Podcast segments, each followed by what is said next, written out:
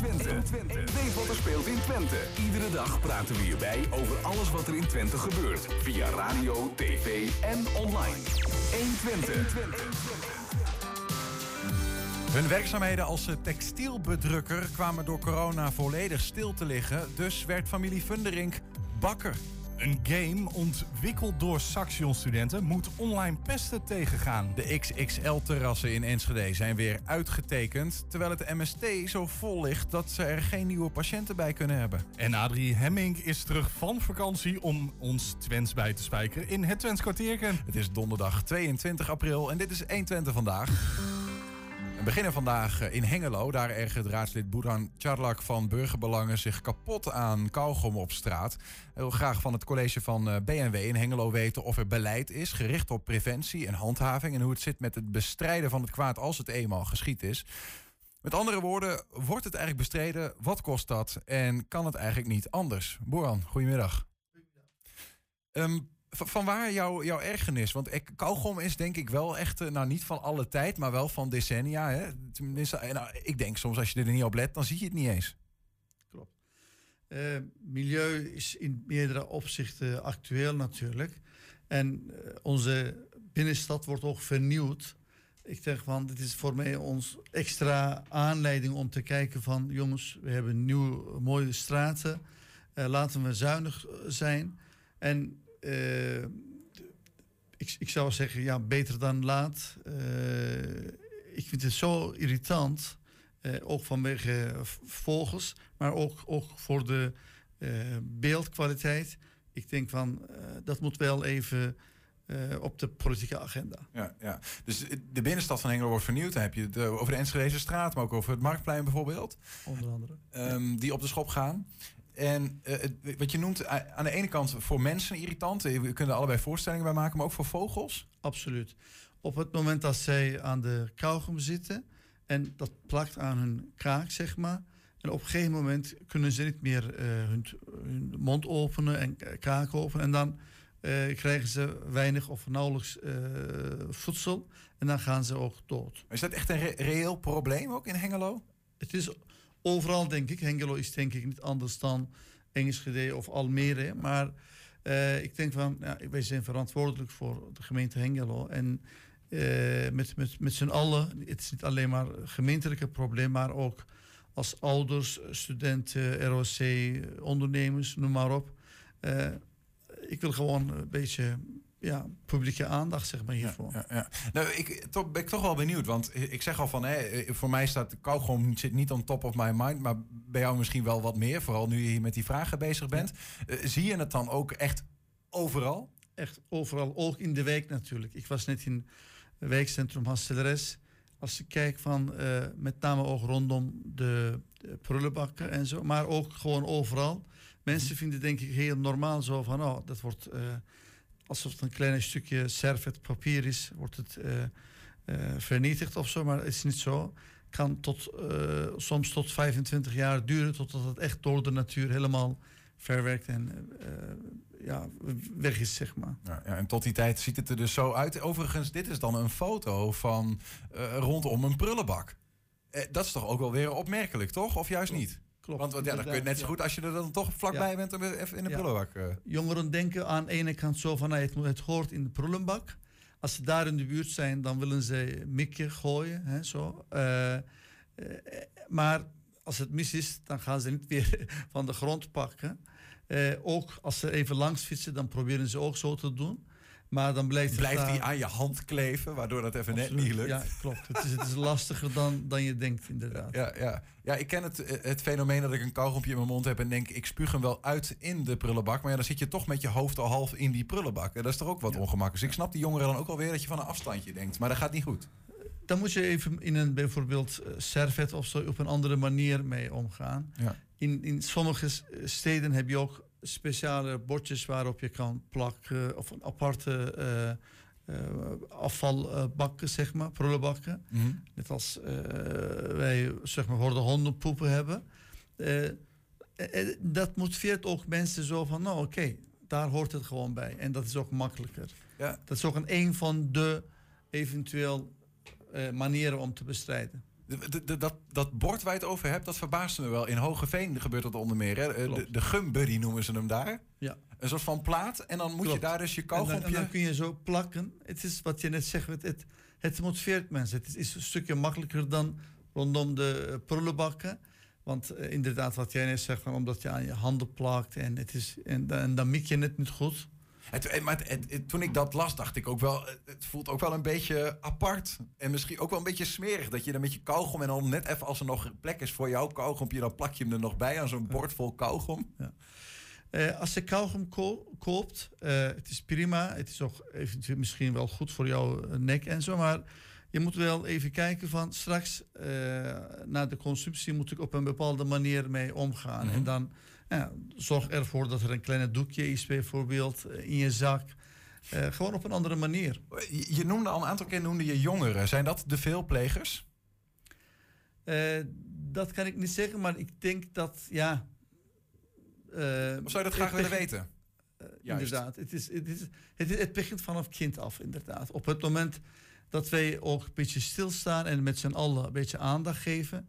En een stukje iets doen aan bewustwording, informatie. Eh, dat het ook eh, geen gezicht is zo. Dat het ook aan je schoenen kan plakken.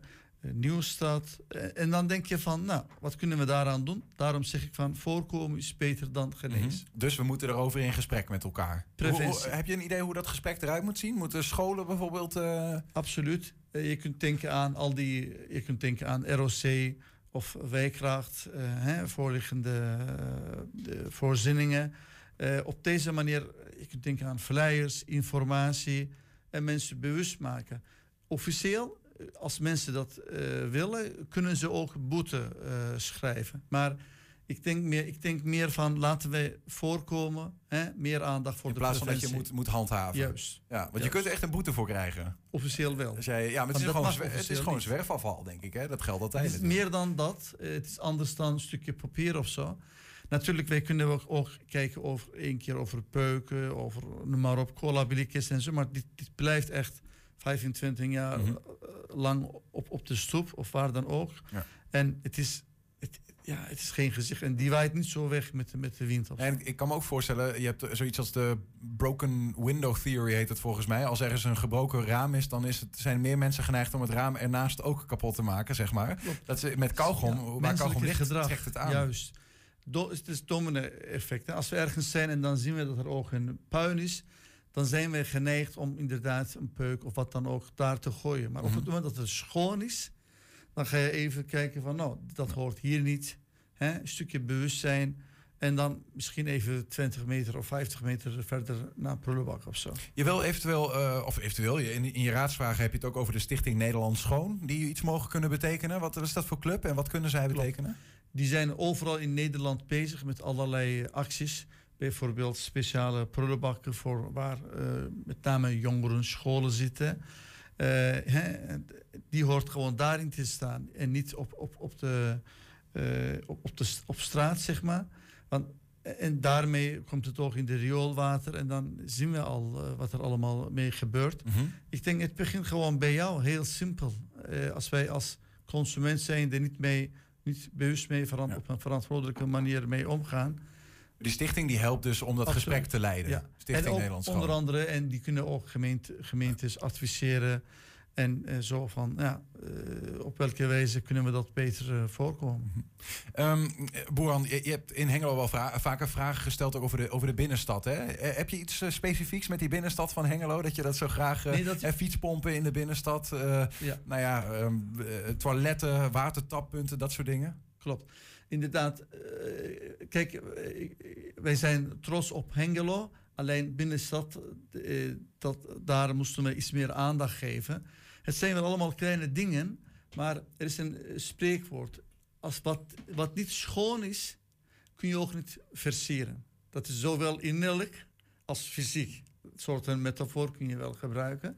Ik denk dat we bijvoorbeeld toiletvoorzieningen of watertap, hè, voor iedereen water, dat het toegankelijk is voor iedereen. Dat zijn heel simpele, basale dingen, maar het maakt wel stad eh, ja, nog leefbaarder, nog, nog prettiger om daar te zijn, zeg maar. Zowel voor ouderen eh, voor kinderen, voor iedereen. Hoe gaat het met die, eh, met die zaken dan? De fietspompen, de watertaps, de toiletten? Het heeft wel inderdaad wat. eh, wa- er zijn nu steeds meer watertappunten, zelfs ook in de wijk. Eh, het college vond het een goed idee. Eh fietspomp, die komt nog wel, denk ik. Eh, toilet, eh, het, het begon ook met, met, met, voor de taxichauffeurs. En men heeft het eh, besloten om uitbundig een onderzoek te doen. Ik denk dat we op deze manier toch een beetje invloed hebben. En dan denk je van, nou oké, er wordt toch naar ons geluisterd. Het staat op de kaart. Eh Boeran Charlak, dank voor de komst en voor de uitleg. En nou ja, hoop op een eh, schoner en mooie Hengelo. Dank voor uw aandacht. Online pesten is een eh, groot probleem onder jongeren. Een online spel moet dat probleem nu tegengaan. Straks meer daarover. Maar eerst naar de familie Funderink uit Enschede. Die hebben het roer volledig omgegooid. Door de coronacrisis kwamen de werkzaamheden bij een bedrijf in textielbedrukkingen stil te liggen. Ze besloten niet bij de pakken neer te gaan zitten en starten een hele nieuwe business. Sinds gisteren runnen ze het bakketje, waar ze brood, banket, ijs en streekproducten verkopen. Ja, we staan in het bakketje, dus een nieuw, nieuw winkeltje, zoals, eh, ja, zoals je al eh, wel hebt gezien. Dus, eh, we zijn sinds eh, gisteren eigenlijk open. En eh, ja, we eh, dagvers brood, ambachtelijk, ijs, eh, vooral eh, ook belangrijk eh, belegde broodjes. En eh, we proberen ons eh, tenminste hard te maken voor, eh, ja, voor dit eigenlijk. Voor, voor streekproducten allemaal uit de buurt. Wat van de lokale boeren komt en dat soort dingen. Zoals van- de Lonneke molen. En, en Keupen, die maakt pasta. En die maakt ook kazen. En dan hebben we zeg maar biologische, biologische eieren. harde worst van dreug. dat soort dingetjes. Allemaal, allemaal, allemaal, allemaal, artikelen hier uit, uit, ja, uit de omgeving. Eigenlijk is het zo, zo goed als het ijs niet. Omdat ik daar... konden we niet uitkomen met een... eh, ja, qua prijs en, en qua smaak niet. Dus dat komt ietsjes verder weg. Maar voor de rest alles eh, wordt in 20 gehaald. Dus dat, is, dat is ook ons streven eigenlijk. Dus, eh, ja, wij hebben een, een, hoe dat, een drukkerij. We zitten hier nog eentje verder. We zaten hiervoor met de, met de, met de drukkerij. En we zijn daar meer verhuisd naar de eentje verderop. En toen bleef dit leeg. En toen hebben we dit bedacht. Toen heb ik Dennis gevraagd, heb jij ook een idee? Of jij, heb jij daar zin aan om mee te doen? Zo, eh, ik zou me toch weer daarmee op moeten gaan concentreren. Mijn vrouw die achter, daarachter staat, die, eh, ja, die zien niet op de camera. Maar die eh, gaat s'morgens een beetje brood doen. En hij moet, is meer van het ijs en van de, van de, van de, van de, broodjes. Dus, Nou, ik ben net klaar met studeren. Ik heb commerciële economie gestudeerd hier aan het Saxion in Enschede. En mijn vader kwam dus met het idee om, om dit te gaan doen. En vroeg of ik dat ook zag zitten. En dat leek me wel wat. Dus nu zijn we zover eh, dat, eh, dat de winkel er is. Ja, ik vind, eh, ik, ik vind het vooral een leu- leuke uitdaging. Gewoon eh, iets nieuws. Ik ben altijd wel eh, ondernemend. Het zit, eh, zit in mijn bloed, laat ik het zo zeggen. Eh, ja, het zijn wel lange dagen, zoals ik net zei in het begin, maar eh, ik, vind, ik vind het wel leuk om te doen. Ja, we hebben eh geflyerd. En dan wel per dag. Want we, hebben, we waren gisteren de eerste dag open. Maar we hebben over, over zes dagen hebben we de flyers uitverdeeld. Ook v- vanwege corona, waar we mogen maar drie mensen binnen hebben. En stel je voor als het nog heel erg druk daar zou worden op die flyers. Ja, dan krijg je veel, veel, te veel mensen. En dat, dat, dat kan niet. Dus, eh, dus doen we het over zes dagen, nu drie dagen en volgende week na drie dagen. Dat we met onze aanbiedingen doen. En dan moet, eh, ja, dan moet het gewoon gaan lopen. Dus dan, dan gaan we nou wel met Instagram en met, met, Facebook doen. Maar dat, dat moet hij dan zo'n beetje doen. Om, om, om, de, aandacht te trekken. Dus eh, ja. Ja, eerst even ja, de komende even aankijken hoe dat loopt. En als het loopt, dan eh, ga ik natuurlijk gewoon door. En eh, ja, en eh, daar heb ik eigenlijk daar heb ik echt wel vertrouwen in. En stel nou dat het niet zo zou zijn, dan, dan moet ik maar alsnog voor een baas gaan werken later. Maar ik ben nog jong genoeg, dus ik vind het een leuke uitdaging om dit eerst even te doen. ja, ja. ja, het loopt al wel, laat ik zo zeggen. Dus, ja, ik kan mo- moeilijk zeggen. Ik kan wel zeggen, eh, het is beter of, of slechter dan ik verwacht had. Is, ja, ik weet het niet. Ik, maar het is helemaal nieuw. Dus eh, ik, eh, ja, ik, ik kom, ja, ik, denk- ik ben eigenlijk nog niet ontevreden voor wat eh, zo in het begin al komt. Dus, eh, Bijzondere carrière switch eh, zo. Ja, maar het ziet er wel leuk uit. Ja, Misschien het- nog even langs gaan. Het bakkertje, Kuipersdijk in Enschede. Ga even kijken.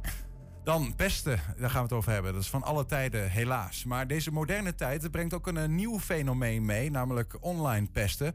Dat is een groot probleem onder jongeren. Hoewel het simpel is om je telefoon weg te leggen, is ontkomen aan cyberpesten op die manier eh, moeilijk.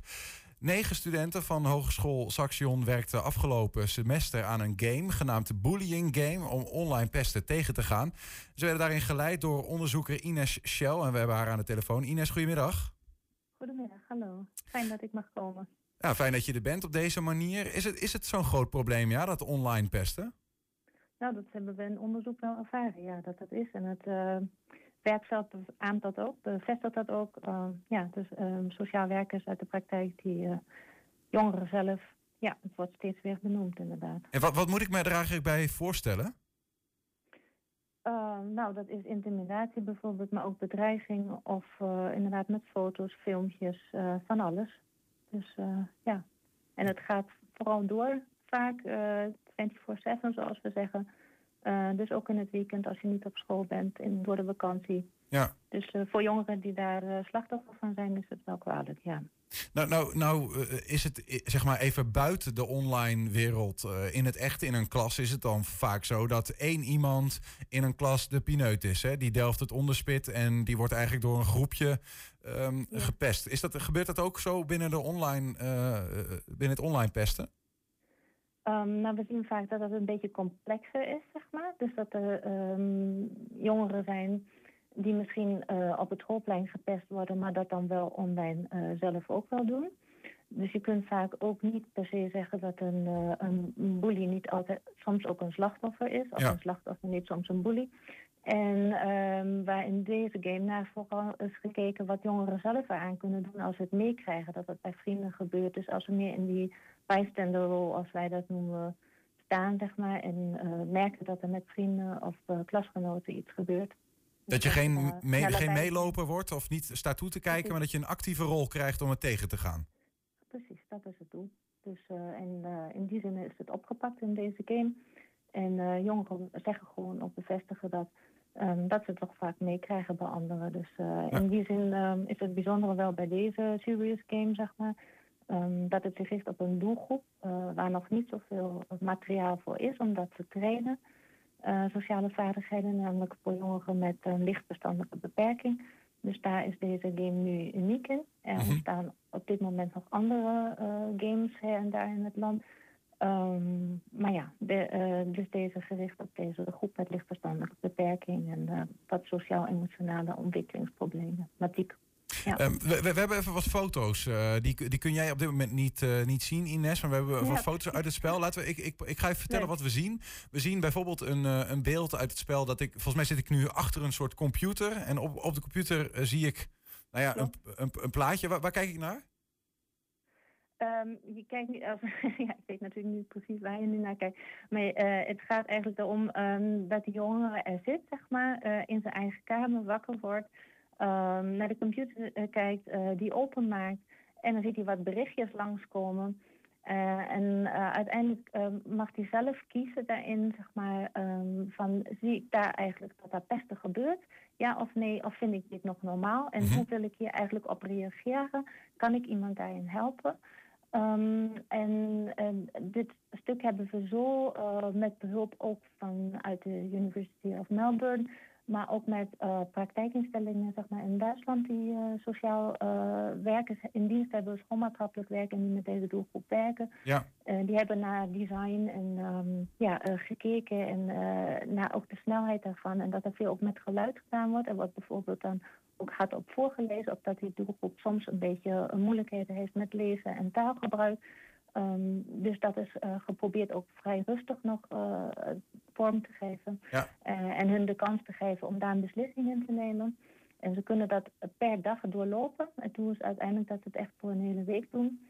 Maar s'avonds dan ook merken, nou, nu gaat de dag ook voorbij en zijn nog andere dingen offline te doen. En dan kunnen ze ook nog uh, dingen uit um, ja, proberen in de kamer, zeg maar, wat opdrachten uh, in een offline uh, omgeving uitproberen. Maar het spel is er dus op gericht dat die, dat die leerlingen, zoals we dat hier misschien ook al op een plaatje kunnen zien, dat ze kunnen herkennen van als ik nou iets Ja. zie gebeuren op internet, is dit pestgedrag?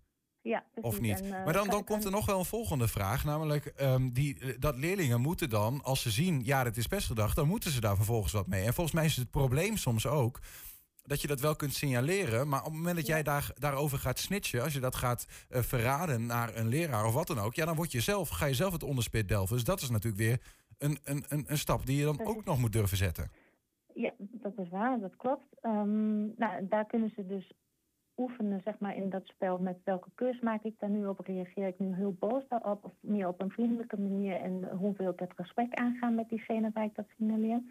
Ehm, en kan ik daar misschien ook anderen bij betrekken? Maar dat spel, ehm, dat is misschien heel belangrijk om te zeggen, dat uh, is ook ons doel, staat niet op zich. Dus dat is niet iets wat je zomaar kunt downloaden. Dat zou uh, ingewerkt moeten worden in een soort, uh, of ingebouwd in een soort antipest trainingsprogramma, waar scholen al mee bezig zijn. En waar dus deze online game zeg maar, een toevoeging is op wat er op dit moment gedaan wordt. Ja. Uh, en wat uit de praktijk blijkt is dat er gewoon weinig materiaal, trainingsmateriaal is wat uh, op deze doelgroep toegespitst is. En, en, dat zou hier een mooie toevoeging aan kunnen zijn. Dit is overigens het voorbeeld wat we nu zien. Uh, zie ik ook vooral uh, Engelse tekst. Hè. Er staat bijvoorbeeld: I found some concerning posts. Klopt. Can you tell me figure out if these. Can you help me figure out if these people are bullies? Uh, kun je me helpen om uit te vinden of deze mensen um, pesters zijn? Maar is het spel ook in het Nederlands ontwikkeld? Nou, um, dat is inderdaad in drie talen ontwikkeld. De trailer is nu in het Engels, omdat het ook een internationaal studententeam was uit Duitsland, Nederland, maar ook andere talen die daar aan hebben gewerkt. Uh, en zoals gezegd ook met de of, Men, of Melbourne dan. Um, maar inderdaad, het is in het Duits ook getest met um, ja, zogenaamde peer scouts en social workers en die op dat gebied getraind zijn al en die hebben uh, waardevolle toevoegingen, advies gegeven. Uh, dus in het Duits bestaat het al, in het Nederlands bestaat het al, maar het is een prototype, dus ja. wij moeten het nog marktrijp krijgen.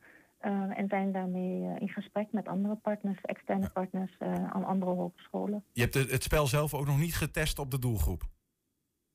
Nou, dat is dus ook ethisch een probleem, zeg maar. Het zijn jongeren. Uh, en dan ook nog met, uh, in een hele kwetsbare uh, positie met een beperking. dus wat we hebben gedaan, oudere um, jongvolwassenen met een LVP, die daar toestemming voor hebben gegeven om het te testen, omdat ze binnen een bepaalde organisatie al trainingen hebben gevolgd en daarvoor opgeleid zijn in Duitsland. En social workers zelf, mm -hmm. die dat dan zeg maar uit hun oogpunt en uit schoolmaatschappelijk werk hebben gedaan, inderdaad. Ja, tot slot dan misschien, ik, ik begrijp dus echt dat dit spel hè, erop gericht is dat uh, jongeren zien van, uh, ik, ik zie iets gebeuren in een, bijvoorbeeld in een appgroep. Is dat nou pestgedrag? Uh, ja, dan moet ik er misschien wat mee. Maar het kan natuurlijk ook gebeuren dat er gewoon één op één, dat ik een appje van iemand krijg met een hele nare uitspraak naar mij toe. Um, is het spel daar ook nog, in die één op één interacties, gaat het daar ook nog iets mee doen? Nou, op dit moment dus uh, meer vanuit die toeschouwersrol, zeg maar. Mhm. Ik zie iets gebeuren juist om het um, wat minder dichtbij te laten komen en meer die uh, sociale en emotionele vaardigheden te trainen. Um, maar dat is zeker de overweging waard om uh, in de doorontwikkeling daarover na te denken of daar misschien ook een optie voor is, inderdaad. Ines Schel, dankjewel voor, uh, voor de uitleg en succes met de doorontwikkeling. Ja, dankjewel. Bedankt dat ik er mocht zijn. Graag gedaan. Ja, zometeen gaan we met Robin Hollander mee, de oude markt Rob in Enschede, om, jawel, de kaders voor de XXL-terras uit te tekenen, waarbinnen een week weer gezellig gepimpeld mag worden. En toch is dat ook discutabel, hè, Julian? Ja. Want uh, ja, juist gisteravond kondigde het uh, MST, het ziekenhuis in Enschede, een opnamestop aan. Alle bedden bezet, onder meer door een toename van coronapatiënten. En dat lijkt lijnrecht te staan tegenover de eergisteren aangekondigde versoepelingen. Volgende week wordt het mooi weer en dat dingen we bij deze af. En dan mogen we weer het terras op. Hoe zit dat eigenlijk? Nou, collega Ernst is uh, aangeschoven. Hij zat weer bij die wekelijkse persconferentie, persgesprek van de veiligheidsregio GGD Twente. Ernst, welkom. Uh, dankjewel. Ja, hoe zit dat? Versoepelen en uh, dan ondertussen zien we een vol ziekenhuis. Dat lijkt als een tang op een varken. Ja, dat is natuurlijk ook... Uh, ja, dat is wat dubbel. En dat hoor je op straat ook wel hè, van mensen. Van ja, maar twee weken langer. Ja, het kabinet heeft duidelijk een afweging gemaakt tussen belangen, even economische belangen en de behoefte onder de bevolking om weer wat normaler te kunnen gaan doen. Um, en die stijgende cijfers. Um, en de veiligheidsregio noemt dan ook heel spannend. En uh, ja, goed, een van de termen die uh, Patrick Welman was, uh, is plaatsvervangend voorzitter op dit moment. die had het over een balanceeract. Tussen eh, enerzijds de behoefte aan versoepeling en anderzijds eh, de stijgende cijfers. Want die cijfers stijgen ook in Twente. Maar het kan niet anders zijn dan dat ze dan een, eh, toch een beetje een iets hoopvollere nabije toekomst voor zich zien. Want dit en- hebben we natuurlijk al maanden gehad. Nee, het, het verschil wa- waarom deze week anders is dan vorige week, zou ik maar even zeggen. Want het is hetzelfde beeld. Hè. Cijfers stijgen, ziekenhuizen beginnen langzaam vol te raken. verschil is dat die vaccinatie, dat vaccinatieprogramma op stoom aan het komen is. Ehm, en met name in juni wordt er echt een hoos, er worden heel veel vaccins verwacht. Eigenlijk is nu de beperking het aantal vaccinaties nog, een aantal beschikbare geleverde vaccins. Dat wordt in mei eh, zo langzamerhand opgelost. En dan kun je echt maximaal gaan vaccineren. En, en nou ja, dat is eh, de hoop die gloort aan het eind van de horizon. Ja, ja. En dat is in het verschiet, hè, dat ligt dichtbij. Dus het kabinet durft kennelijk deze, dit, dit risico, want het is wel een risico natuurlijk, hè, dit risico te nemen. Zo van, ja, we gaan vaccineren en dan, ehm, dan, dan is toch echt de verwachting dat ziekenhuisopnames gaan dalen en dat Ja. nou, al die cijfers naar beneden gaan. Rutte zei het is geen gok, maar het is misschien wel een berekende gok. Het, ja, eh, eh, nou ja, laat daar even op houden. Dat, ik, ik, hoe zou ik het mooier kunnen zeggen dan Mark Rutte? Ja, nou, dat weet ik niet. Hè. Ik nou, weet het nooit. Ik Hè. heb wel wat ideeën, maar... ja, ja. Ehm, eh, over, over die vaccins gesproken. eh, veel gedoe geweest de afgelopen tijd. De vaccinatiebereidheid hoorden wij van een arts uit, eh, huisarts uit Enschede. Die zei, ja, 60% van mijn patiënten wil eigenlijk nog die AstraZeneca-prik. Die 60-plussers. Ja. Ja. ja, dan hou je een, een, een restpartij over. Maar ook een aantal mensen die zeggen, nou, ik wil een andere. Ehm, eh, is nog steeds, want geloof de, wat, is de, wat is de stip op de horizon? Mei gaan we vol vaccineren? Ja, eh, ja, mei, eind mei. eh, even kijken, op 3 mei, even uit mijn hoofd zeg ik het nu, Mhm. wordt, een, een, eh, wordt de vijfde vaccinatielocatie hier in, in Twente geopend. Dat wordt een grote, een grote locatie in Hengelo, vergelijkbaar met die in Enschede. En dan een paar weekjes even kort daarna ook in Nijverdal. Er zijn alle zes locaties zijn, beschikbaar. Ehm, en dan zijn er ook vaccins. Dus dan kunnen ze echt full blown. En ook anders dan AstraZeneca. Zeg maar. Ja, ja en eh, aanvankelijk was het doel om maximaal straks 8000 eh, prikken per dag te gaan zetten. Dat is opgeschroefd naar 10.000. Dus ze gaan wat meer prikken eh, per dag. Hè. Dat, dat is me nogal wat. Ehm, en dat betekent dus ongeveer vergelijkbaar met 2 miljoen eh, per week in, eh, in heel Nederland. Dus, ehm, en als het om die vaccinatiebereidheid gaat, ja, die, nou, die is zoals die is. Daar heb ik niks nieuws over gehoord. Het is wel zo dat huisartsen, die zijn nu druk bezig met die 16 tot 60 tot 64-jarigen. Maar die prikken daar ook wel omheen, zou ik maar even zeggen. Dus 65 of 59. Ja, maar ik hoorde van mijn vader dat die, die had gewoon, eh, de, de huisarts belde hem met van ja, ik heb een vaccin over. Wil je langskomen? Dat? Zo Ja. ging dat. Nee, precies. En anders moeten die vaccins, weet ik veel, in het ijs. En die zijn maar beperkt houdbaar. Dus ze, ze, ze- nou ja. En alle 70 minners zijn zo'n beetje, daar zijn we mee klaar. Eh, ze zijn nu aan het voorsorteren. De uitnodigingen voor de 68-plussers, zeg maar 68 tot 70, die zijn nu de deur uit. Dus dat wordt de volgende groep. Ja, en in mei alle hens aan dek. En dan krijgt ook de Niels op een gegeven moment een prik. Ja. Ehm, dan is er nog een ding wat, wat, wat speelt in Enschede. We zagen onlangs het nieuws van een eh, school, basisschool De Kiem in Enschede, die de deuren volledig sloot. Omdat er geloof ik wel tien eh, besmettingen waren in één klas. Die waren op een gegeven moment ook overgegaan naar een andere klas. Is dat in beeld bij de instanties? Ja, ja, ja, dat is zeker in beeld. Er zijn een paar scholen in Enschede waar dat voor geldt, hè, waar, waar meerdere besmettingen aangetroffen zijn. Eh, je ziet ook dat de, de stijging van de, van de besmettingen zit hem ook vooral in kinderen, 0 tot 19 jaar. En dat zit hem vooral, vooral in, in, in, in klassen, zeg maar scholen. Daar vinden niet per se de besmettingen plaats hoor. Dat is ook wel thuis, thuis en op school. Dat is beide, eh, werd gezegd. Ehm, het opvallende daar is dat bij kinderen, eh, kinderen hebben niet altijd de symptomen die, die volwassenen vaker wel hebben. Niet altijd, maar heel vaak hebben volwassenen symptomen. Bij kinderen is dat lang niet altijd het geval. Dus als er één kind in een klas eh, eh, positief getest wordt, of symptomen krijgt en positief getest wordt, wordt de hele klas getest. En dan blijkt ineens dat er in die klas meerdere kinderen zitten die geen symptomen hebben, maar wel positief zijn. Was dat dan, eh, ja dat is misschien speculeren hoor, maar was dat eerder ook al? Want in, toch, ik herinner mij dat in het begin van die crisis, dat we best wel waren van ja, kinderen, dat, daar speelt dat niet zo. Nee, hè? De basisscholen Nou ja. waren nog heel lang gewoon Nee. open. Eh, Samantha Dinsbach, de directeur van de GGD, zei inderdaad daarover dat in het begin van, van, de, van, van we leren steeds meer over, over, over, het- over het virus. In het begin had, was inderdaad dat het beeld dat kinderen niet besmettelijk zijn en ook niet besmet kunnen worden. Nou, dat, dat blijkt heel duidelijk niet zo te zijn. Dus ja, ik denk dat de kans, eh, dat er een gerede kans bestaat dat er heel wat kinderen onzichtbaar eh, toch eh, corona hebben gehad.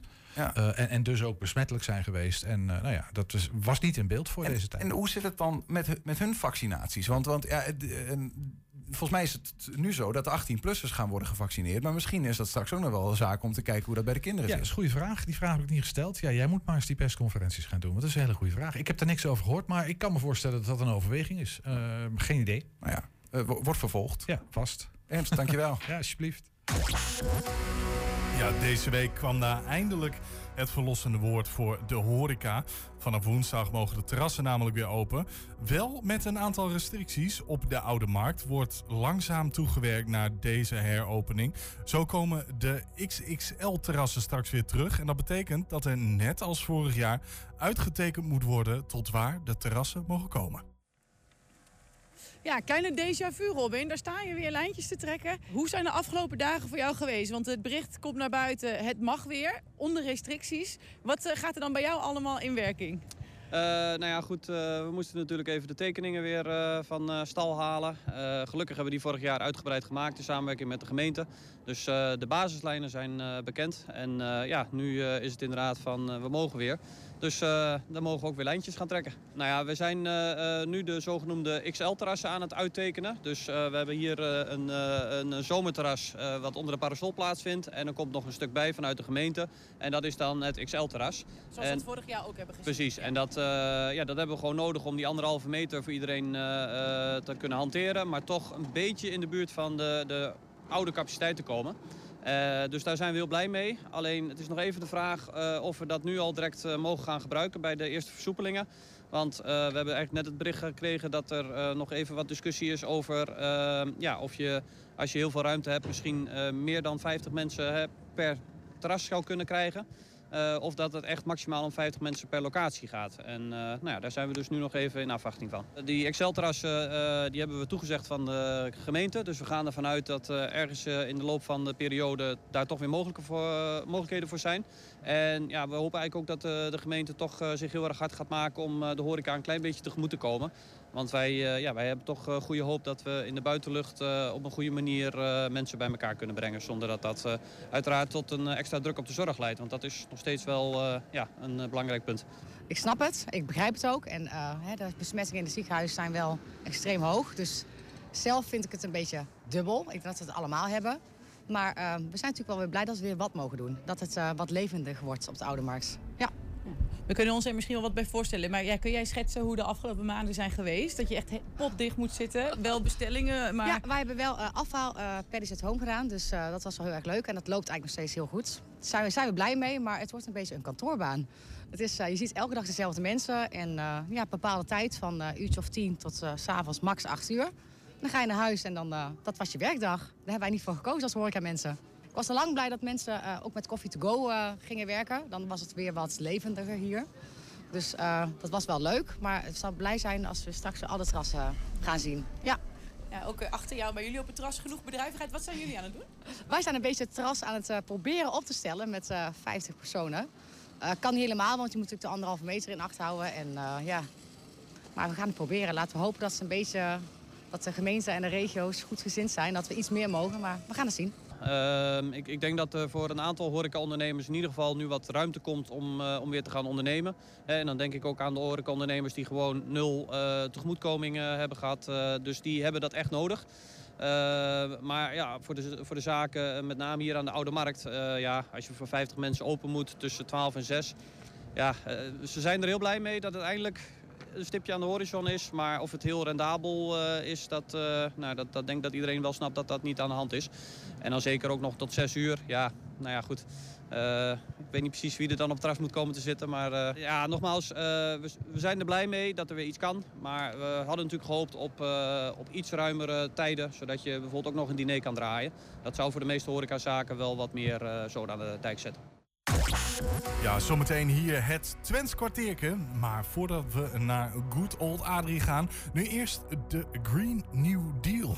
Ja, ja, want die de Green New Deal, die is, uh, uh, dat is een steeds heter topic. Vandaag is het bijvoorbeeld de Earth Day. Dat betekent dat we wereldwijd ons portie van wat de aarde aan kan hebben opgesoupeerd.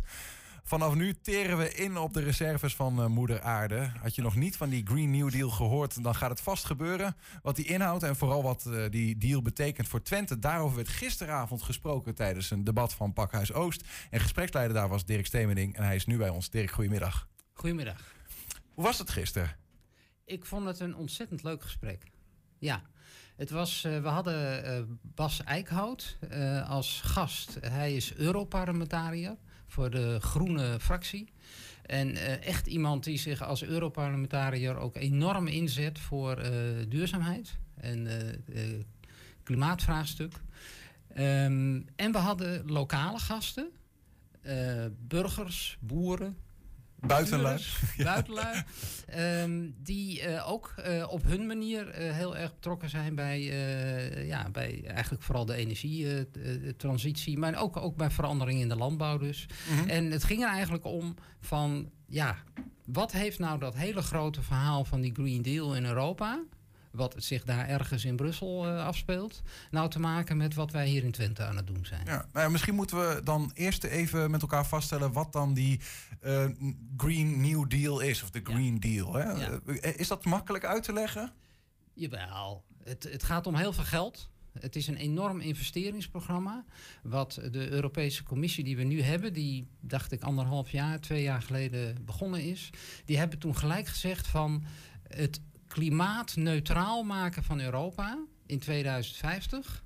Dat is onze grote missie. Daar gaan wij in Europa zwaar Parijsakkoord. En dat heeft precies. Het is niet alleen maar een missie, het is ook een verplichting. Want eh, in het Parijsakkoord is dat ook afgesproken. Mhm. Eh, en dat is een. ehm, dat, he- dat gaat niet alleen maar over eh, energieopwekking. Het gaat eigenlijk over een totale omwenteling in onze economie. Waardoor we dus inderdaad geen CO2 meer uitstoten. Want dat moet er dan gebeuren. Hè. Dus een van de, de kerndoelen is geen uitstoot van CO2. Geen meer. uitstoot of compenseren zoveel Nou ja, moet? eh, eh, ja eh, CO2-neutraal Ja, maken. Hè, eh, dus dat zou inderdaad ook nog met compensaties kunnen. Ehm, en dus dat is een heel belangrijk doel. En je had het net over Earth Day. Dat heeft ook te maken met grondstoffengebruik. Eh, dat grondstoffengebruik dus enorm ver terugdringen, minimaliseren. En, en dat, ja, dat moet je dan eigenlijk vooral doen door zogenaamde circulaire economie. Hè, dat je van alles gaat hergebruiken enzovoort. Nou, daar wil dus de Europese Commissie heel zwaar op inzetten. En daar, daar worden dus honderden miljarden euro's per jaar voor beschikbaar gesteld. Dus we hebben, eh, eh, eh, om het kort te zeggen, we hebben CO2-neutraal zijn in 2050. Ja. We willen niet meer allemaal spullen uit de grond trekken die we niet meer terugbrengen, waardoor de aarde uitgeput raakt. Precies. En er is nog een sociaal karakter, ja, toch? Nou, dat, dat, en dat was dus juist, dat is zo interessant ook in verband met gisteren. Ehm, ik, ik citeer even letterlijk. ehm, geen mens of regio mag hierbij aan haar lot worden overgelaten. Eh, als ik het even in mijn eigen woorden zeg. Iedereen moet meedoen, maar iedereen moet er ook van kunnen profiteren. Ja, dus we moeten ook helpen waar dat nodig is, zeg maar, in het beleid. Ja. Ehm, daar hebben we het over Twente, want daar ging het gisteren ook over. Ja. Eh, dat is ook een regio, daar wonen ook mensen. Ehm, nou had je gisteren, eh, nou wat je al zei, heel specifiek een aantal ondernemers binnen bijvoorbeeld vanuit de agrarische sector of mensen die daar iets mee te maken hebben. En je had aan de andere kant Bas Eickhout, de man die de lakens uitdeelt in Europa, de Europarlementariër. Ehm, als we dan helemaal naar onze eigen regio gaan, welke eh, kansen liggen er dan? eh, als je kijkt naar die Green Deal, zeg maar, eh, die we in Twente misschien wel laten liggen, omdat het niet kan op dit moment. Ja, nou ja, we wilden eigenlijk twee dingen laten zien. Hè? Dat er dus in Twente al ook van alles gebeurt op dit gebied.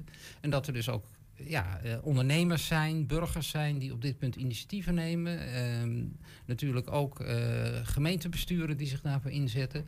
Ehm, maar tegelijkertijd inderdaad ook de vraag van... oké, als er dan nu zoveel miljarden beschikbaar komen in, eh, voor die Green Deal... eh, eh, hoe, zou, hoe zouden wij daarvan kunnen profiteren? Waar moet het geld naartoe? We doen mee. En hoe kunnen we ervan profiteren? Dat is dan de vraag. En nou, daar heb ik een paar hele interessante verhalen over gehoord. Vertel. Misschien kunnen we er, want er zijn, je hebt een heel uur gesproken. Er zullen Ja. er vast meer te vertellen zijn. Misschien Ja. kunnen we er een aantal uithalen. Ja, ja.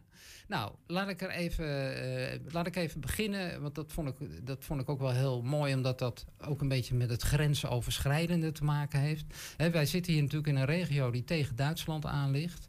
Ehm, we hebben boeren in Noordoost-Twente die eh, biogas produceren. Dat kun je omzetten in warmte. En die warmte die zouden ze in Noordhoorn heel goed kunnen gebruiken. Nou, prachtig. Dan gaan we toch met die warmte... Verkopen die hap. Verkopen die hap, precies. Dus we gaan er dat in. Wat blijkt nu? Als je die warmte naar Noordhoorn wil brengen... ehm, dan eh, komen alle subsidies die die boeren nu krijgen in het kader van eh, de energie, eh, de, de, de SED heet dat. Dus dat, dat zijn energiesubsidies. Ehm, om juist deze ontwikkelingen te stimuleren, die komen te vervallen. Want dat is een Nederlands verhaal. En zodra je over de grens gaat, mag je die subsidies daar niet meer voor gebruiken. Terwijl je, ze worden dan eigenlijk gestraft eh, omdat ze hun eh, duurzame werk doen. Maar wel grensoverschrijdend met Duitsland. Ja, dus, dus dan, kun, dan is het voor die boeren niet aantrekkelijk meer om dat te doen. Want dan, hebben ze, dan kunnen ze daar geen verdienmodel meer eh, van maken. En dan houdt het verhaal dus op. Ja, en, de, en dat is waar Bas Eickhout komt in, zeg maar. Die kan daar als Europarlementariër mogelijk wat aan doen. Nou ja, eh, hij kan in ieder geval zijn best gaan doen om daar iets aan te doen. Kijk, om te beginnen bevestigde hij dus inderdaad dat. ehm, kijk, de, de- Europa die zit met een enorme spanning tussen aan de ene kant dingen Europees willen doen en zorgen dat de grenzen wegvallen. En de nationale eh, lidstaten die ook allemaal toch ook hun eigen eh, autonomie willen hebben. Soeverein willen blijven. Soeverein Ja. willen zijn. En als die, eh, als die lidstaten dus subsidies gaan inzetten, dan willen ze dat dat ten goede komt aan hun eigen land. Aan, dus die willen niet dat die subsidies gaan weglekken naar het buurland. En dat betekent dus dat je dan toch ook iets in Europa moet gaan regelen. Dat juist die grensoverschrijdende subsidies ook mogelijk worden. zonder dat lidstaten daar gelijk tegen gaan stijgen. Maar dat zijn wel de, dilemma's waar zeg maar, ze ook in Europa dan weer mee zitten. Die een uitspinsel, een uitvloeisel kennen bij ons in de regio Ja, bijvoorbeeld. want, want vergis je niet, hè, eh, het is heel makkelijk om dan te denken... hoe hebben ze dat nou weer bedacht in Europa? Hè? Waarom kan dat nou niet? Maar Bas Eickhout zegt dan ook terecht van... Dit, dit zijn de lidstaten in Europa die niet willen dat dit gebeurt. En die geven Europa eigenlijk weer geen ruimte om regelingen te maken... waardoor dit soort grensoverschrijdende samenwerking wel mogelijk is. We hebben nog heel kort tijd voor één zo'n zo'n voorbeeld. Heb je er nog één? Van de Ja. sojaboer misschien wel. Die, ja, eh, die zeker, vond ik ook wel zeker, interessant. Zeker. Eh, eh, Bart eh, Grobbe hadden wij. Die, ehm, die is bezig om, die- om zelf als boer soja te gaan verbouwen. Eh, en die wil daar sojamelk van gaan maken. Eh, en dat is, dat is echt eh, heel bijzonder, want wij kennen allerlei sojaproducten, maar al die soja die komt tot nu toe uit het buitenland. Dus we hebben geen sojaproducten of sojamelk van eigen bodem. Dat wil hij dus wel gaan doen. Dat is een alternatief voor de koemelk. En daar is ook heel veel voor te zeggen, omdat je dat met veel minder CO2-uitstoot en, en, en gebruik van grondstoffen kunt doen. En dat wil de Europese Commissie zo graag. Maar hij, hij, mag, hij mag dat niet verkopen als sojamelk. Daar mag geen melk op staan. Want melk is in de, Euro, in de Europese Unie een naam die helemaal voorbehouden is aan de koemelk. koemelk aan de zuivel. Aan de zuivel in traditionele zin. En waarom is dat een probleem voor hem? Nou ja, dat is niet een onoverkomelijk probleem. Maar als je het echt natuurlijk toch een beetje wil vermarkten als een alternatief van melk, zou je er toch ook heel graag gewoon melk op willen kunnen Dus zetten. hij, hij vraagt bij, die, eh, eh, bij deze dan ook weer aan Europa... joh, doe er wat aan. Wij Ja. willen gewoon melk kunnen verkopen. Ja, en dat gaat nog één stapje verder. Want nu heeft ook de zuivelindustrie heeft er bij Europa voor gelobbyd dat eh, dit soort eh, producten ook niet meer verkocht mogen worden in verpakkingen die zouden kunnen suggereren dat het melkverpakkingen zijn. Wordt ook nog tegengewerkt. Ja, het wordt echt tegengewerkt. Ja, dus er is nog wel werk aan de winkel. Maar er liggen dus ook daar liggen nog gelukkig nog wel eh, kansen die nog uitgepakt kunnen en worden. bovendien eh, hebben we dan gelukkig iemand als Bart Grobbe. En er zijn veel meer mensen die zeggen. We worden tegengewerkt, maar we gaan het wel doen. Want we zien hier toch echt wel mogelijkheden voor. Tot slot dan, en we hebben niet heel veel tijd meer, maar eh, ik ben ook wel benieuwd, wat moet ik hier nou mee? Staat er ook nog iets in van, wat, wat moet Niels als inwoner van Enschede, wat kan ik er nou doen? Nou ja, eh, eh, we hebben het nu dus over het aanbod, zou je kunnen zeggen. Het aanbod van energie, het aanbod van melk. Maar er moet ook vraag zijn. En dat was ook een van de dingen die gisteren aan de orde kwam. Als bijvoorbeeld de Twentse burgers ook echt ervoor kiezen om zo'n heel mooi lokaal product te kopen, dan helpen ze ook om zo'n ontwikkeling echt van de grond te krijgen. Dus En koop dat is- lokaal. Dat is onze rol. Koop lokaal bij de Ja. ondernemer om ze uit de coronacrisis te helpen, maar ook om ons uit de klimaatcrisis te helpen. Want het ging ook van boer tot bord. En die afstand die wil je eigenlijk zo klein mogelijk houden. Ja, want hoeven we niet te vervoeren. En vervoer steekt, steekt Precies. weer eh, CO2 in de lucht. Precies. Nou, de cirkel weer rond. Ehm, het volledige gesprek van Pakhuis Oost over eh, de Green New Deal en de betekenis ervan voor Twente is te zien op het YouTube-kanaal van eh 1 Twente.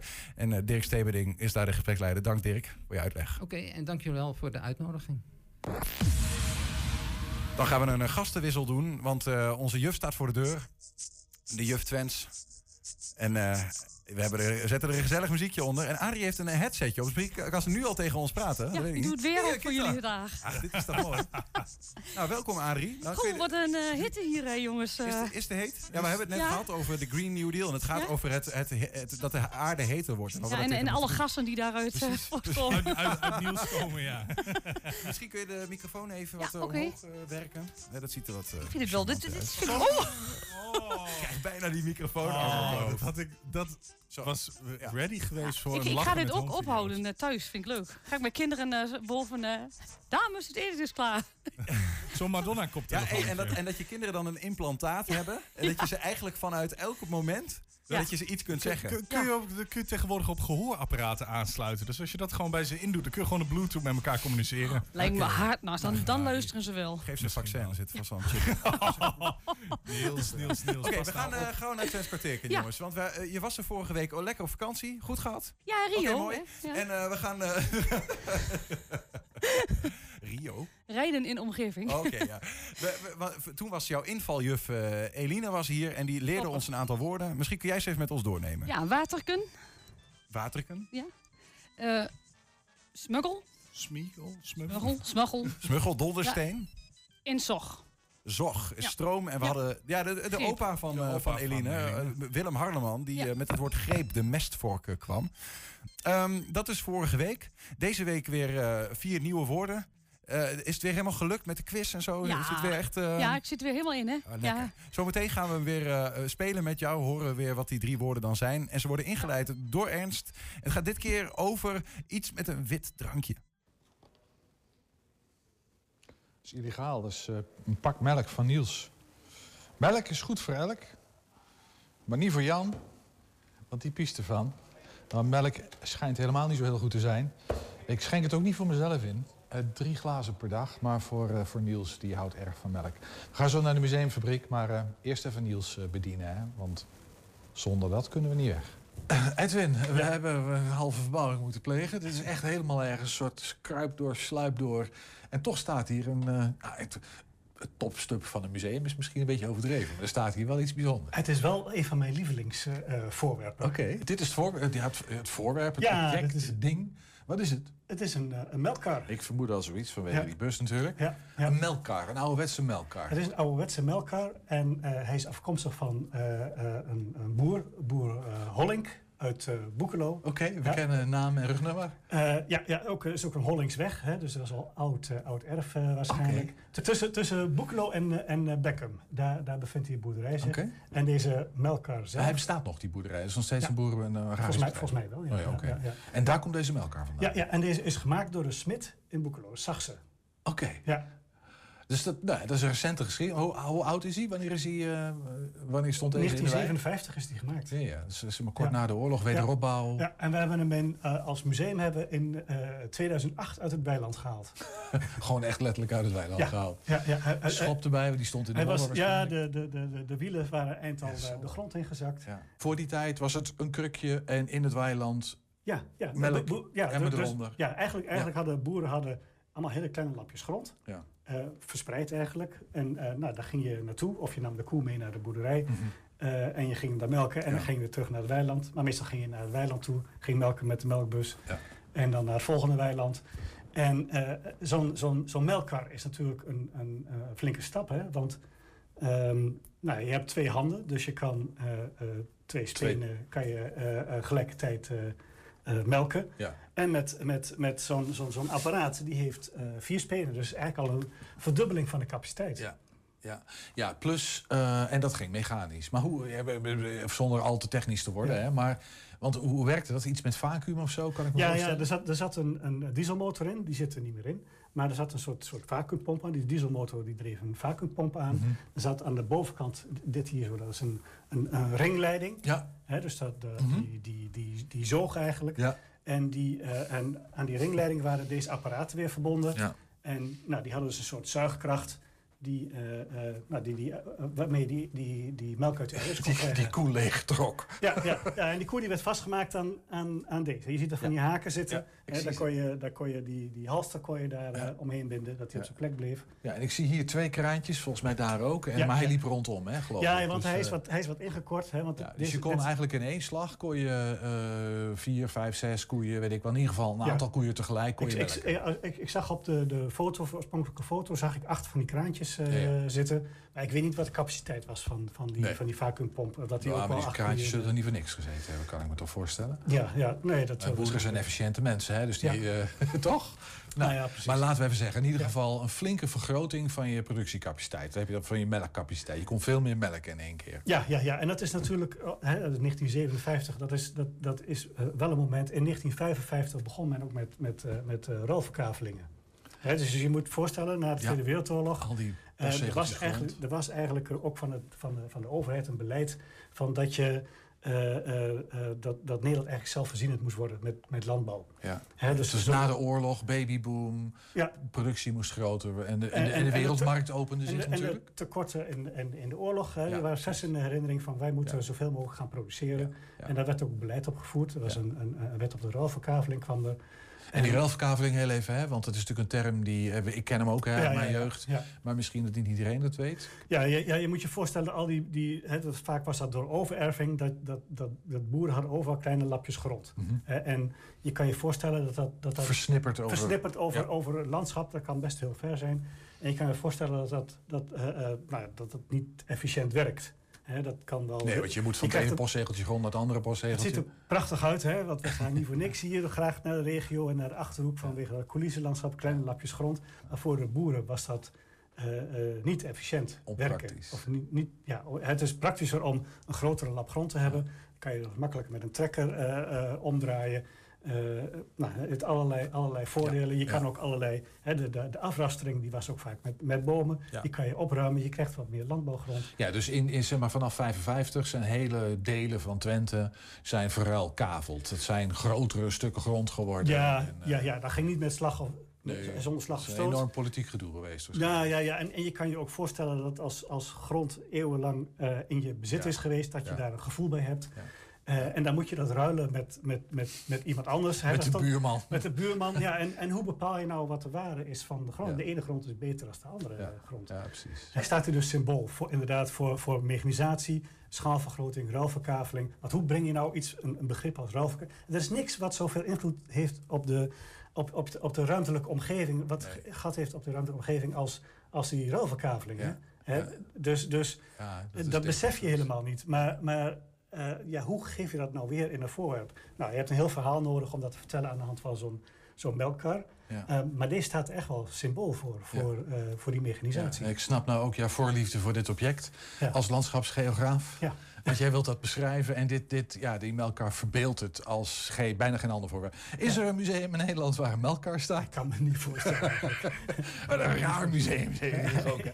Ja, echt, het is echt een museum van, van alles en nog wat. Ja. Zelfs, tot, zelfs een melkkar. Ik vind het wel, opnieuw, ik zeg dat volgens mij elke keer. Ik word een beetje moe van mezelf. Maar ik vind het wel weer een heel mooi verhaal. Het is echt gewoon een mooi ding. Het is echt gewoon een mooi ding. Dit is wel een beetje Alpenmuziek die we nu Ja, horen. Dat weet ja. jij niet, Adrie. Maar we hebben, we hebben passende muziek op de achtergrond. Oké, hè? ja. De koeien die op de Alpenweide eh, staan, stonden. Ah. Nou ja, en daar, dat, is eh, voor, dat is voor één ding, Niels. En dat is de quiz. Zeker, want Adrie heeft weer drie woorden meegenomen met eh, Absoluut. drie Twentse woorden waarin Ja. drie mogelijke Nederlandse betekenissen onder hangen. Eentje is telkens goed. Adrie, take it away. Wat Ja, is nou, de eerste? kazen. Ja, wat zou het zijn? Is dat A, bewerken van iets, van hout of iets anders, hè? Maar het kan ook, ja, het lijkt wel een beetje op kaas natuurlijk. Is het eh, overpasen, dus overgooien? Oh, misschien met kaatsen of zoiets dergelijks. Of zijn het kansen?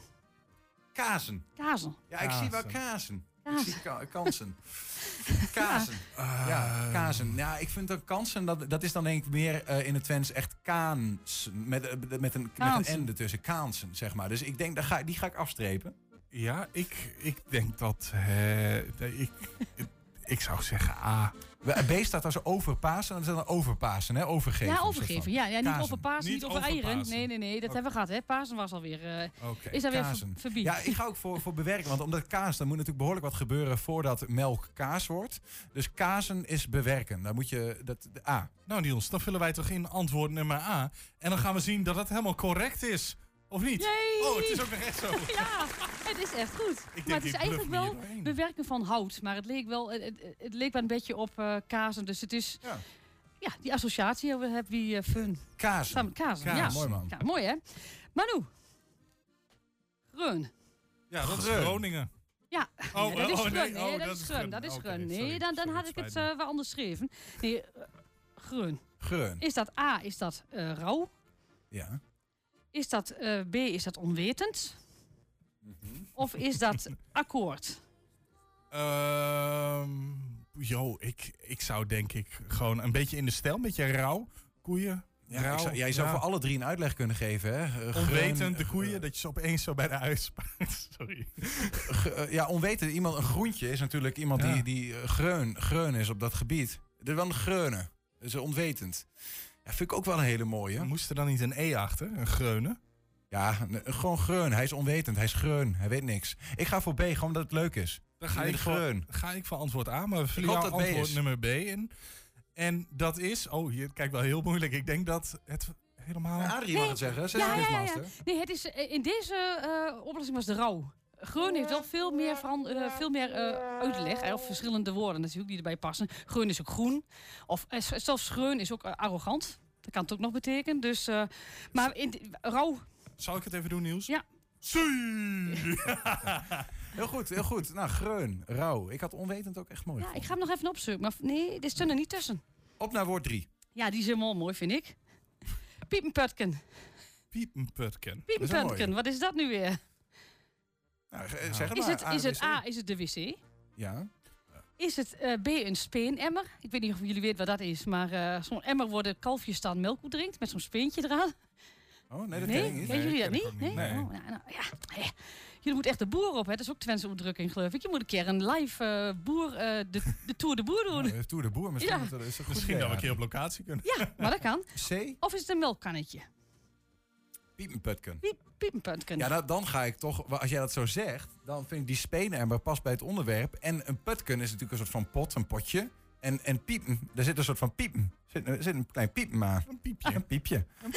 Eh, Dus ik ga dan voor, ik ga dan voor B, voor die ik, ga, speenemmer. ik ga ook voor B. Ik, vind, ja, ik wou eigenlijk voor C gaan, maar je hebt mij omgepraat.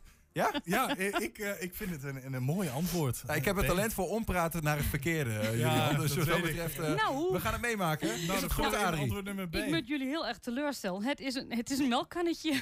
Oh. Ja, het is een kannetje of een... Ja, dat, dat piepke, dat is iets waar natuurlijk een soort tuitje. Ja, ja, precies. Maar die speenemmer, dat is eigenlijk, dat is natuurlijk ook een Niemoortse flantutenwinter. Dat is natuurlijk niet iets wat ze, eh, wat ze 50 jaar geleden Nu hadden. gooi je Dus, er eh, ook weer wat dingen uit. ja, Dus de piepenputken is het, eh, Piepenputken melk, is het een kannetje met melk. Die Ja. kun je ook, dus als je op aan tafel zit met je Twentse oma en ze moet het melkkannetje aangeven, dan zeg je, kun je de piepenputken nemen Ja. aan aangeven. ja, maar je kunt misschien beter zeggen, door me dat kannetje korter dan... eh Dat is ook al zo moeilijk. Scheelt weer tijd. Ja. Dan hebben we nog het woord van de week. Eline ging weer de straat op en dit keer is het woord tummig gewoon. Een nieuw Twents woord van de week. Vandaag ga ik de straat op met het woord teumegaan. Eh zich schikken, schrikken eigenlijk, typfoutje. Zich schrikken, treurig zijn of niks doen. Wat zou het betekenen? Het Twentse woord teumegaan, heeft u daar wat van gehoord? nee, nog nooit. Zou ik niet weten. Turmen gaan? Hmm, nee, ik heb er niet van gehoord. Ik zit te bedenken, wat zou het kunnen zijn? Turmen gaan? Nee. Nee, ik heb er niet van gehoord. Denk je te weten wat het betekent als je het, eh, deze drie woorden zo ziet? Niks doen? Turmen gaan. Het is vast wel Twents. Ja, het is Twents Nou, ik ben niet eens Nederlands, oké. Oh. Zich schikken, treurig zijn. Niks, Niks doen. Turmen gaan. Eh, nee, geen idee. B. Treurig zijn. Treurig zijn. Even kijken, ik denk niet C.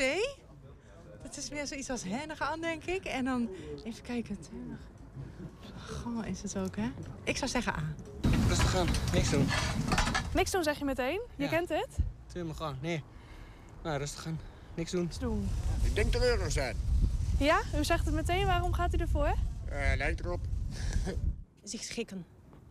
Waarom ik dat denk? Ehm teumig, tam, een beetje, eh, timide. Daar zit ik aan te denken. En dan zich schikken. Nee, nee. zich schrikken misschien. Maar Ja? ik weet het niet. Echt een, eh, een gokje? Ja, gokje. Ik denk eh, C. Niks doen. Ja. Ik denk, ik denk treurig zijn. Ik, ik, ik ga voor A. Voor A, zich schrikken. Ja, laten we het eh, gewoon eensgezind doen. Ja, je gaat met hem mee? Ja. nou ja, ik denk eh, B. Treurig zijn. Ja, denk ik. Treurig zijn. En waarom gaat u daarvoor? Ja, omdat het, omdat het met een T begint. Turmagon. Ik heb eigenlijk zich schrikken en treurig zijn het meest gehoord. Volgens mij niks doen. Een enkele keer. Ehm, Adrie is er weer deze week, dus eh, jij mag het bekendmaken. ja, ik kan me bijna niet voorstellen dat het nou zich schrikken is als dat, eh, dat, het, dat het antwoord... Schikken, schikken moest het ook zijn. Zich schikken. Inschikken Schikken. in een rol, ja. Dus niet schrikken, maar Nee, zich nee, schrikken. ja, en Dat is gewoon was ook met. OA in plaats van AO. ja, ja, maar dat maakt eigenlijk niet zo heel Nee, veel uit, want die, ja, ja, in Drenthe snapt ze wel. Dus dat maakt niet Verlos uit. ons, teum gewoon. Ja, dat is eh, een, niks doen. Lummelen. eh Bij die gewoon. ja, de termen gewoon, ja. Lekker, lekker teum gewoon. Ja, een beetje niks, niks, en niks, ja, niks doen. Een, een weekendje teumen gewoon. Ja. ja, dat vind ik toch mooi. Ja, dat heb ik. Ik ben natuurlijk ook op vakantie geweest, dus ik heb heel, eh heel Lekker tieten- teum gewoon. Ja, Precies, ja. ja, ja, ja. En vanavond nog een beetje teum gewoon? Of, eh? Nee, nee, vanavond moet er gezwabberd en gedweld en, ge- en de hond uitgeladen worden. eh, Wat Al dat soort dingen. Ja, je, Niet met teum gewoon, want het is weer helemaal aan. precies. Ja. Adrie, dankjewel weer. Ja. En tot volgende Oké, week. mooi. Oh, trouwens, nou, ik vergeet het bijna. Je vergeet het bijna. Wat wil je tegen ons Ja, maar jij net opgezocht wat, onwetend in het, wat onwetende in het Twents betekent. weer eh, Oetjepa. Toch? ontwetende oetjepa, ja. Ja, onwetende. Een oetjepa is dat. Dan weten we dat ook weer. Nou ja, dat voor de volgende keer dus. Nu wel echt. Tot zover 120 vandaag. Terugkijken kan direct via 120.nl. En vanavond om 8 en 10 uur. Niels, daar zijn we ook gewoon op televisie te zien. Dus je kunt gewoon lekker gaan kijken.